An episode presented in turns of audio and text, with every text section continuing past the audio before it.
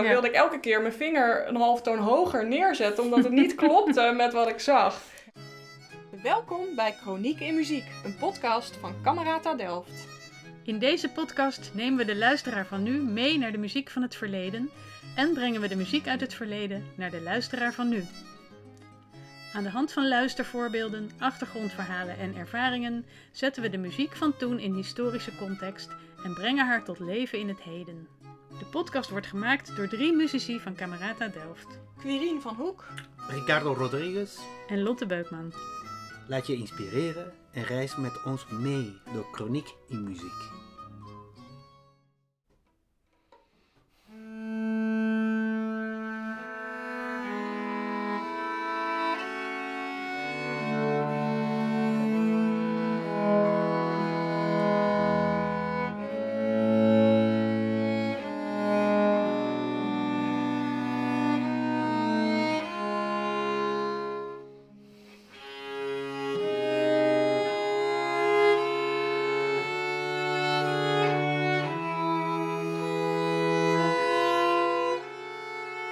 Ja, deze aflevering zijn we begonnen met eh, muziek in plaats van met praten. Maar het waren nog steeds Quirine van Hoek, Ricardo Rodriguez en Lotte Beukman die u heeft gehoord. In een klein stukje Fantasia uit het Engelse consortrepertoire. En in deze aflevering gaan wij verder praten met elkaar over hoe het is om op verschillende instrumenten te spelen. En ook het verschil tussen oude instrumenten en kopieën van oude instrumenten of juist hele moderne instrumenten. Nou, als jullie niet erg vinden, ga ik nu beginnen. Want eh, in de afgelopen afleveringen hebben wij over onze instrumenten gesproken. Hoeveel instrumenten iedereen speelt. En heel veel vragen komen hierop neer. En ik wil misschien in deze aflevering met jullie nog een paar dingen bespreken. Zoals bijvoorbeeld, jij speelt Quirine. Twee oude violen. Een viool bijna uit 1800 en de andere viool heb je sinds niet heel lang van 1680. Hoe is het eigenlijk het bespelen van een oude viool?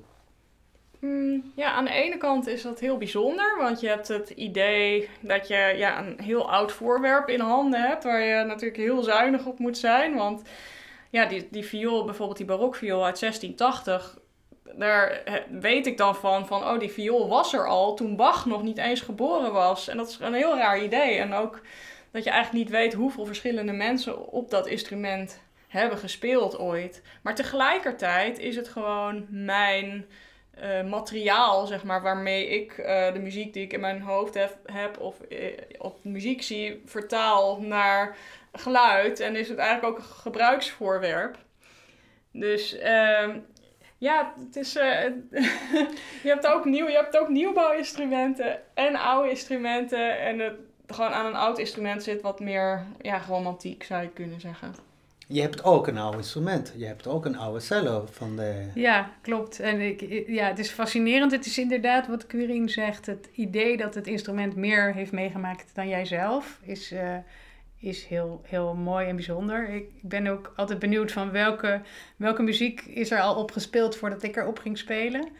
Ehm, maar het is denk ik ook meer een romantisch idee toch wel. Ehm, want je hebt ook van die verhalen over ehm, van, dat ze van die testen hebben gedaan van oude en nieuwe instrumenten achter een gordijn eh, laten bespelen. En dat, ja, dat de mensen echt het verschil niet konden horen of, of zelfs de modern gebouwde instrumenten eigenlijk beter vonden klinken. Dus ja, het is wel zo, iedereen wil een Stradivarius, maar ja, het is, het is vooral de romantiek, denk ik. Maar ik ben ook benieuwd hoe dat bij jou is, Ricardo, want jouw instrument is denk ik niet zo oud. Het is inderdaad heel interessant wat jullie zeggen over de, een oud instrument. Want ik heb namelijk oude viola da gambas gespeeld. Trouwens hier in het voormalige uh, gemeentemuseum. Ze hadden twaalf viola da gambas nog bespeelbaar. En ze zijn ook van 16, weet ik veel. Dus ook oud. En toen kwam uh, in mijn gedachten uh, ook de meesters van de viola da gamba toen in Frankrijk, bijvoorbeeld Marat Marais, hij speelde, of hij kon zeker niet spelen, een instrument van twee jaar, ou- 200 jaar oud. Hij kon geen instrument 200 jaar oud spelen. Dus ik heb bewust gekozen voor een nieuw instrument, want de oude meesters hadden ook nieuwe instrumenten. En eh, kan je ook voorstellen dat eh, de meesters ook moderne muziek ook gespeeld hebben? Kan je dat ook met mij even discussiëren? Ja, nou ja, dat, is inderdaad een grappig idee dat de muziek die wij nu als oude muziek zien, dat, dat dat vroeger gewoon de moderne muziek was die net was geschreven. De inkt was nog nat en ze gingen dat spelen. Op moderne instrumenten. Ja, op, moder op voor toen moderne instrumenten. En inmiddels zien wij dat als oude instrumenten en oude muziek. Maar eigenlijk zou, kan je dat nu ook doen. Als je een nieuwe compositie op een nieuwe viool speelt, heb je eigenlijk dezelfde ervaring. Want je weet van tevoren nog niet hoe het moet gaan klinken. Je hebt nog geen klankvoorstelling ervan. Nu zoek je iets op op Spotify van, oh, hoe gaat dat stuk? Oh, leuk. Maar toen moest je echt alles vanaf nul eh, ja, ontdekken. En er werd ook van alles vernieuwd. En wat denken jullie eigenlijk over echt piepnieuwe instrumenten? Bijvoorbeeld strijkers, een nieuwe cello of een nieuwe viool.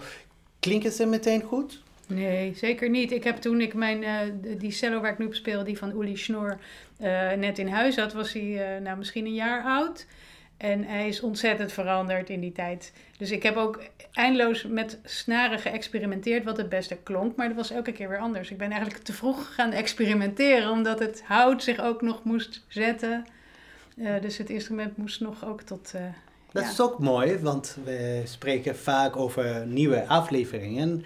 En één gaat over snaren. Dus dat kunnen wij, misschien oude snaren kunnen wij niet gebruiken, toch? En oude snaren zijn altijd slecht. Je bedoelt een oude gebruikte snaar. Dat ja, bedoel ik. precies, Ja. ja, de Ja. snaren zijn altijd nieuw die we erop zetten. Relatief nieuw. Ja. Net zoals de haren op onze strijkstokken. Oh ja. Die worden de ook, stokken eh, zelf. Ja, En de stokken zelf zijn inderdaad nieuwe, nieuwe eh, stokken gemaakt. ja. Nieuwe, nieuwe gemaakte stokken. ja, de barokstokken wel. Ja. Maar ook, ja, want zijn er, zijn er oude stokken bewaard gebleven die nog zijn- En een, een aantal ge- In musea. gebleven. In musea of sommige eh, grote meesters hebben wel een paar. ja, en de klassieke, volgens mij een beetje vanaf de klassieke tijd zijn er ook oude stokken wel te krijgen. Dus je bedoelt vanaf de 19e eeuw zo'n beetje? En misschien Oh, zelf vroeger, eerder, ja. misschien ook 18e eeuw. Mhm. Kan je ook nog stokken vinden. Ja, Maar, zoals je het goed kan voorstellen, is ook een, een, een, een, een, een ding die heel breekbaar kan zijn. Dus zo kan nog kapot gaan eh, in vergelijking met een cello of een viool. Ja, Ja. of het hout trekt krom en dan is de stok niet meer goed recht. Maar mijn moderne stok, zeg maar die ik als moderne stok, die is uit 1930 ongeveer. Mhm. Een, eh, Franse stok. Maar ik ken wel mensen die ook een, een, een echte klassieke stok hebben. Dus van eh, uit de 18e eeuw. Mhm. Oké. Dus het bestaat wel, maar, Maar niet zijn heel zeldzaam. En ja, er worden ook gewoon hele goede stokken nu gebouwd. Dus ja, het is gewoon wat, wat speelt het mooiste? Of wat speelt het lekkerste en wat klinkt het beste? Want wat eigenlijk dat- van eh, strijkstokken... Kijk, van instrumenten is het bekend dat het ene instrument klinkt veel beter dan het andere instrument. Maar strijkstokken maken ook een heel groot verschil. Als je op een gegeven moment verschillende strijkstokken naast elkaar gaat uitproberen, dan merk je echt een enorm verschil van klank bij de ene stok en de andere stok. Nou, heel interessant inderdaad, want het heeft te maken met klank. Maar hier, wij met z'n drieën, spelen we niet alleen maar een strijkinstrument. Of, nou ja, in mijn geval, ik speel, ook- ik speel ook klavecimbal, een beetje harp. Nog steeds met de snaar, maar voor de harp heb ik geen strijkstok nodig. Ook voor het klavecimbal is het alleen maar toetsen. Dus ik vraag me nu af, waarom speel je en waarvan komt eigenlijk de, de, de, de, het meerdere instrumenten kunnen bespelen? Bij jou bijvoorbeeld. Ja, bij mij, eh, ja, dat is een beetje in de loop van de tijd zo gekomen eigenlijk. Ik ben ooit begonnen met eh viool toen ik zes was. En ja, omdat er thuis mijn broer, mijn zus, mijn eh, ouders, die, die maakten ook muziek. Dus ik was ook nieuwsgierig naar andere instrumenten. Dus daardoor heb ik ook nog twee jaar pianoles gehad en twee jaar hoboles gehad. En dat, daar ben ik wel op een gegeven moment mee gestopt. En die viool, daar ben ik mee doorgegaan. Eh, en op een gegeven moment word je eigenlijk best, was ik best wel eenkennig eigenlijk. Gewoon viool was mijn instrument. En pas op het conservatorium ben ik eh barokviool ernaast gaan doen. En dat is dan in het begin heel vreemd.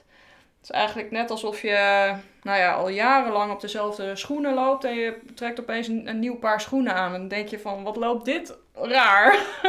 eigenlijk een beetje die vergelijking. Maar ehm, ja, dat, eigenlijk wende dat al heel snel. En van het schakelen tussen verschillende instrumenten word je heel flexibel. En dan op een gegeven moment dan, ja, zo'n altviool ligt ook heel dicht bij viool.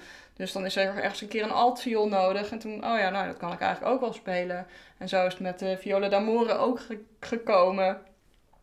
Ja. Maar was het dan bij jou uit nieuwsgierigheid of inderdaad uit de vraag van... eh, kun jij ook misschien op dit instrument proberen? Of v- voel je voel je, je aangetrokken tot, tot andere instrumenten? Ehm, nou, de barokviool was echt een heel bewuste keus. Dat, dat eh, wilde ik eigenlijk al heel lang. Maar dat ja, is dan lastig als je nog op het conservatorium zit. En dan moet je echt die moderne viool goed leren bespelen. Dus niet alle docenten staan daar even open voor. Dat je dan dingen gaat combineren. Ehm, maar op een gegeven moment kon dat wel.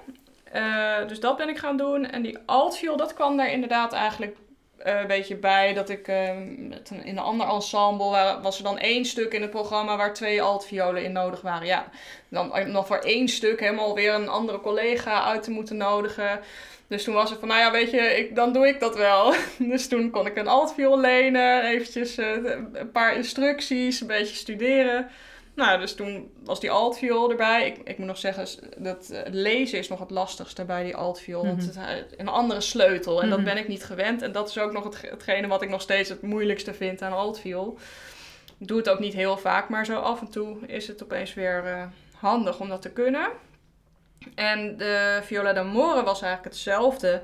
Omdat we elk jaar met eh Collegium Delft dan de Johannes Passion spelen. En daar zit één aria in eh, met twee Viola d'Amores. En die worden soms op, eh, op violen uitgevoerd. Maar het mooiste is op d'Amore. Dus Zeker. toen dan, ja, ja, in het origineel is het voor d'Amore. Dus nou ja, toen was het van, nou ja, kun je dat niet ook? Ja, ja waarom niet? Nou, proberen kan altijd. Ja, van het een komt het ander.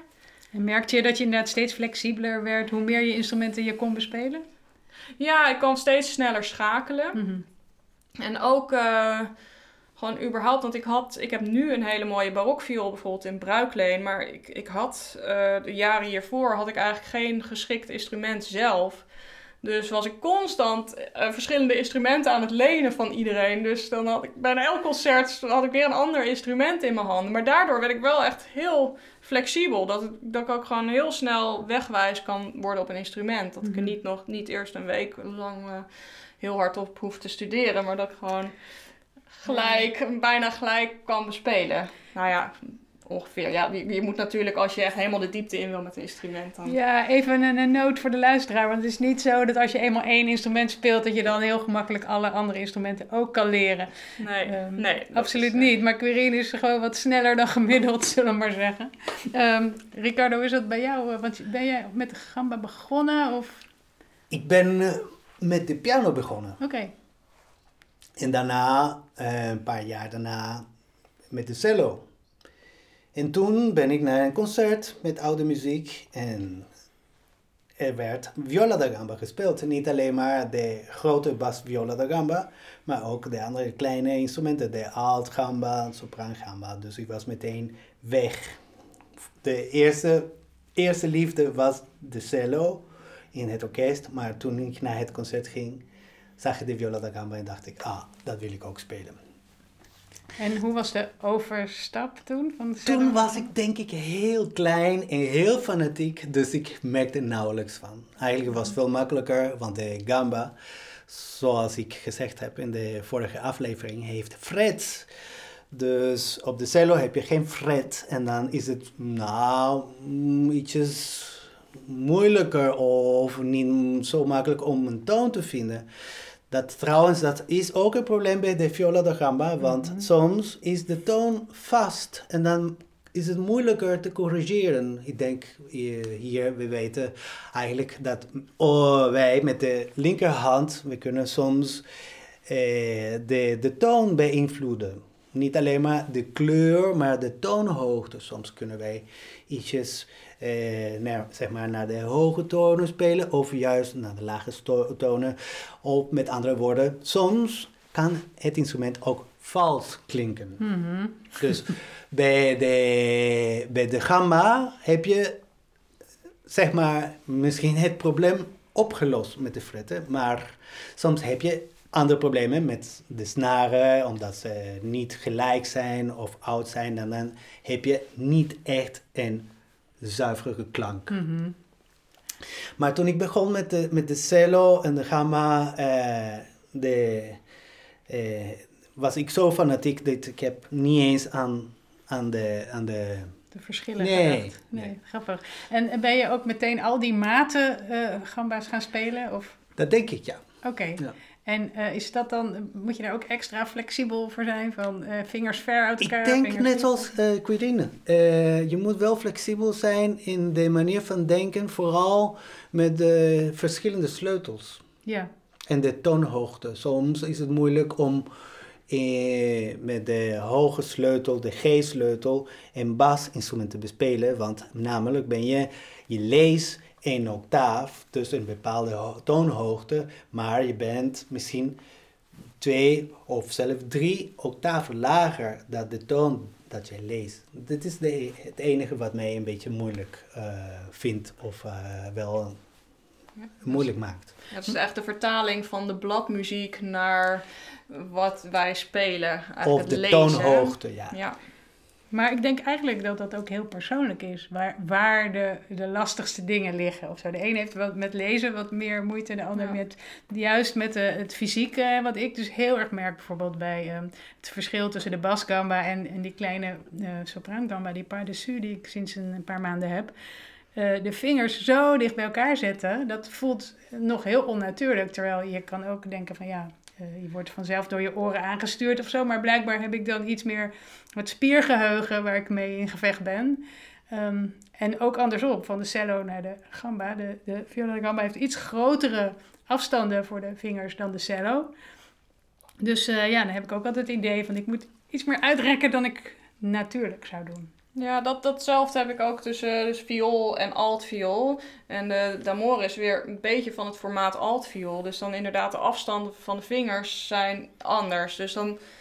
Maar als je het vaker doet, dat wisselen, kan je makkelijker die knop vinden. Van je Mhm. speelt even, even een paar noten en dan weet je weer van... Oh ja, zo voelt het frame voor dit instrument van mijn vingers, de onderlinge afstand. En zo voelt het voor dit instrument.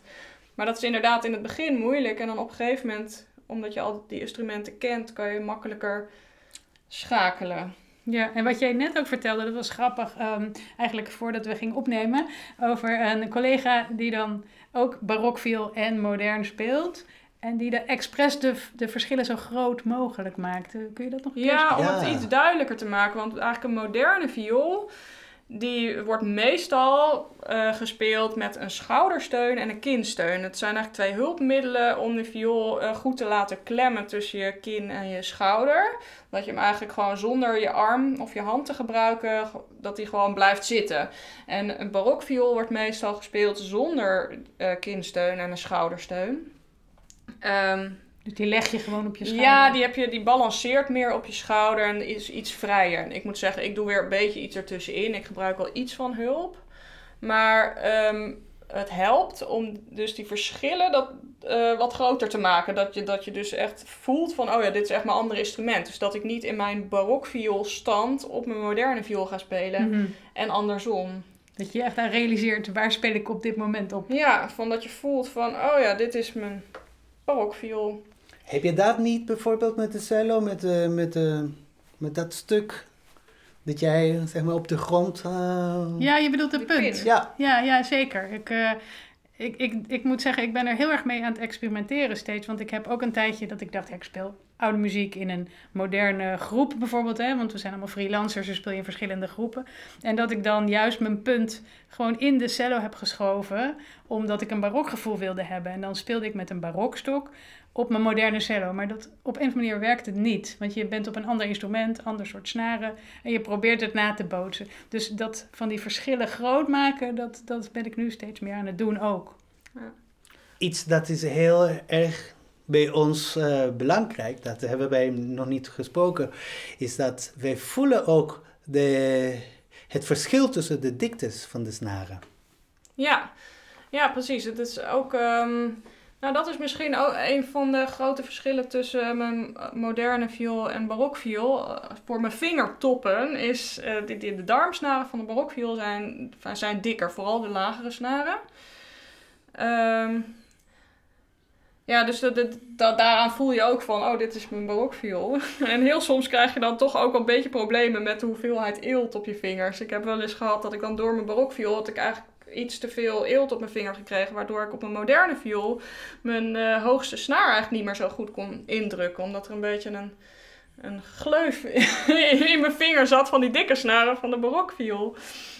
Maar hoe is dat voor jou? Want jij hebt het uh, op je gamba misschien nog veel extremer. Het is echt zo, sinds, vooral sinds ik alleen maar puur darmsnaren heb. Ik zie dat uh, bijvoorbeeld de lagere, lagere noten, de lagere snaren, zijn behoorlijk dik. En inderdaad, dat voel je in je vingers, in je vingertoppen. Ook heel bijzonder van, van uh, misschien moeten wij dit even vertellen, dat uh, een dunne snaar, dus een snaar die niet alleen maar kort is, maar ook dun, zijn meestal voor de hoge tonen. En voor de lage tonen heb je een langere snaar en ook dikker snaar om, om de klank mogelijk te maken. Maakt niet uit met een stok of getokkeld. Ja. Dat is wel grappig wat jij net zei over dat eelt.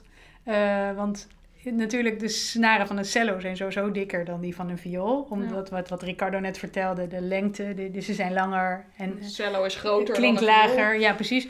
Dus um, je hebt sowieso meer eelt, sneller eelt op je vingers. En um, darmsnaren hebben op zich een lagere spanning. Dus als ik veel barokcello speel, dan speel ik met lagere spanning, weliswaar op iets dikkere snaren. Maar het is eigenlijk veel relaxter voor je vingers.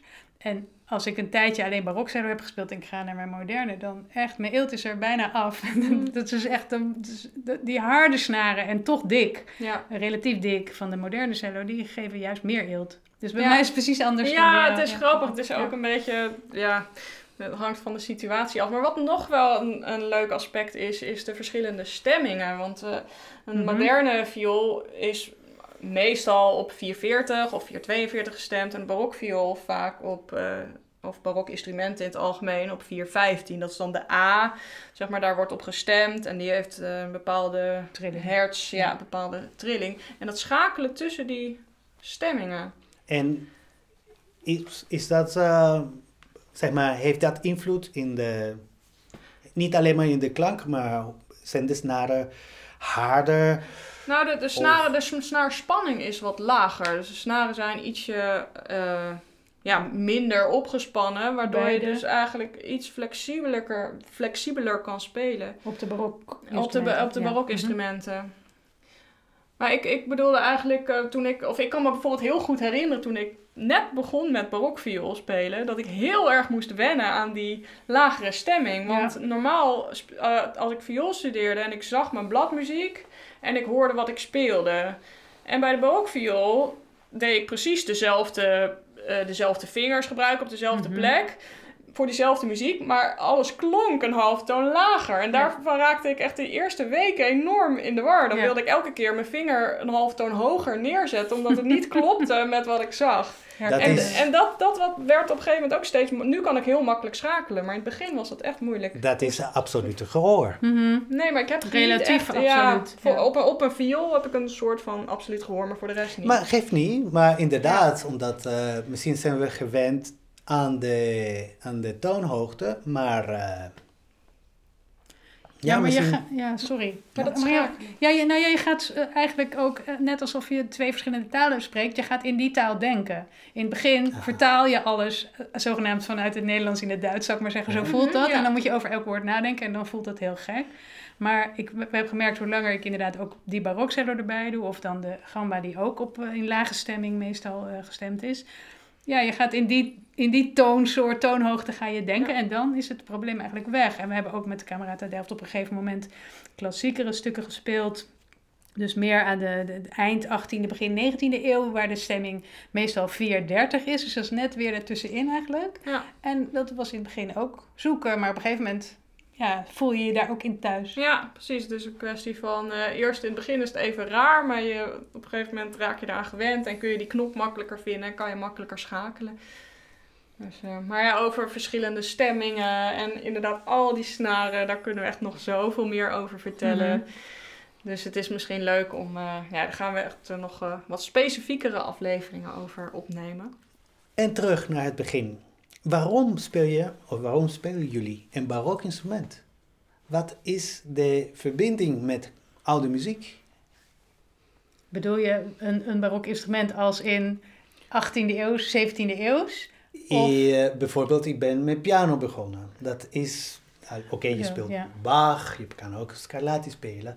Cello kan je ook Bach spelen, Ja. maar met piano kan je ook latere composities, andere componisten spelen, andere stijlen spelen, op allebei de instrumenten. Ja, maar je wil eigenlijk, tenminste dat was wel in mijn geval zo, dat je probeert alsmaar dichter bij de bron te komen van de, wanneer de muziek geschreven is. Hoe het toen zou hebben geklonken, maar dat weten we natuurlijk nooit precies, want er zijn geen opnames van.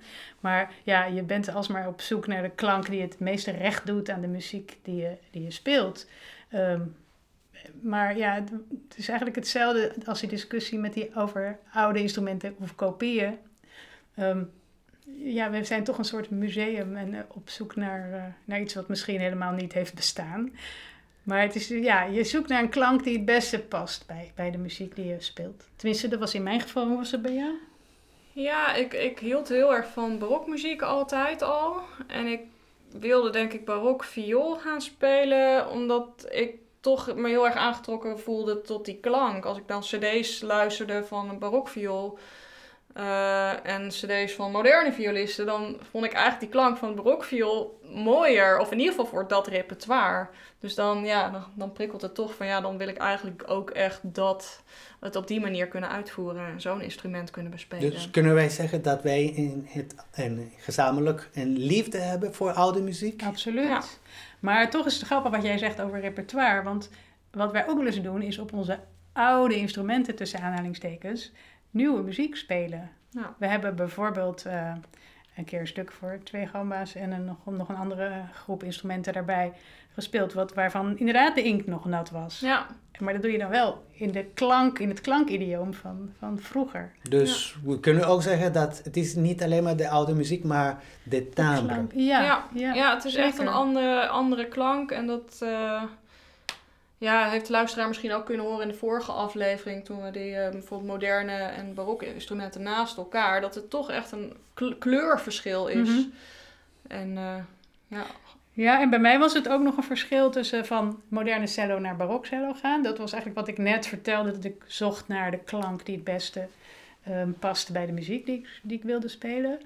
Of van de eh, cello naar de viola da gamba gaan. Eh, want dan was het inderdaad vooral een timbre kwestie dat ik dacht, ja, dat zo speciaal eh, soort klank die mij heel erg aansprak op een ander niveau. Eigenlijk had het niks met het repertoire te maken, maar echt met de klank, puur met de klank. Ik heb min of meer hetzelfde, maar met de harp heb ik een, een andere ervaring, want ik ben meestal geconfronteerd met de muziektheorie, de oude muziektheorie. Dus met de harp denk ik niet meer in toonsoorten of een kruisen of mollen. Dus zeg maar, mijn harp, het is vergelijkbaar als een piano die alleen maar witte toetsen heeft. Dus het Mhm. is in dat opzicht eh, vrij primitief. Tegelijkertijd krijg ik inzichten van hoe de theorie in de middeleeuwen was. En dan daardoor heb ik meer passie voor componisten zoals Marat Bach, zelf oudere componisten en natuurlijk de componisten die dichter bij ons zijn. En bedoel je dan, dus Marais en, en de mensen die je net noemde, zijn zeg maar na de middeleeuwen, dat, dat ze, je hebt dan meer bewondering voor dat ze uit die klank van die middeleeuwen zijn gekomen tot waar zij gekomen Eigenlijk zijn? de klank, niet per se de klank, maar eigenlijk meer de, de, de, Composities. de composities en de, Mhm. en de theorie van de muziek. Dat- Dat bedoel ik inderdaad, de compositie, de manier hoe hebben ze de klanken eh, bij elkaar neergezet of een bepaalde compositie. En de klank in dit geval is misschien secundair. Mhm. Het kan ook zijn dat mijn harp eh, wel eh, die informatie verleent, Mhm. maar niet de mooie klank. Ja, dus meer de theoretische Precies. informatie, ja, de En bouwsteen. dat, dat vind Ja. ik ook heel fascinerend. Dus niet alleen maar de klanken, maar ook een deel van, de, van wat de instrumenten kan vertellen. Nou ja, wij merken eigenlijk met z'n drieën als we zo zitten te praten dat er heel veel dingen zijn waar we eindeloos het over kunnen hebben. Maar misschien jij als luisteraar denkt van, oh wacht, je hoort soms dingen voorbij komen die je misschien niet, eh, niet begrijpt. Of bepaalde woorden of termen die wij eruit gooien, misschien het jargon van de muzici, waarvan je denkt, wat betekent dat? Wij vinden het ontzettend leuk als je ons dan een mailtje stuurt, podcast.cameratadelft.nl. Ehm, en we vinden het ook leuk als je daar ook inschrijft. Dus wat je, wat je wilt, eh, uitgelegd wilt hebben, maar ook misschien andere onderwerpen waarvan je denkt, eh, kunnen ze daar ook, eh, ook wat over vertellen? Als, eh, als muzici en, en oude muziekspecialisten en ensemblespelers. Dan doen we dat heel erg graag. Dankjewel voor het luisteren naar Chroniek in Muziek van Camerata Delft. Bekijk ook de videoserie Chroniek in Muziek op YouTube. Heb je vragen of wil je reageren? Stuur dan een e-mail naar podcast.cameratadelft.nl Vond je deze aflevering interessant? Deel hem dan met al je vrienden. Wil je geen aflevering missen? Abonneer je dan op deze podcast. Ben je enthousiast? Laat dan een review achter in de app waarmee je deze podcast beluistert. Wil je meer weten over Camerata Delft? Bezoek dan onze website www.cameratadelft.nl of volg ons op YouTube, Facebook of Instagram. Wil je ook op de hoogte blijven van onze activiteiten? Meld je dan aan voor onze nieuwsbrief. Tot gauw bij de volgende aflevering.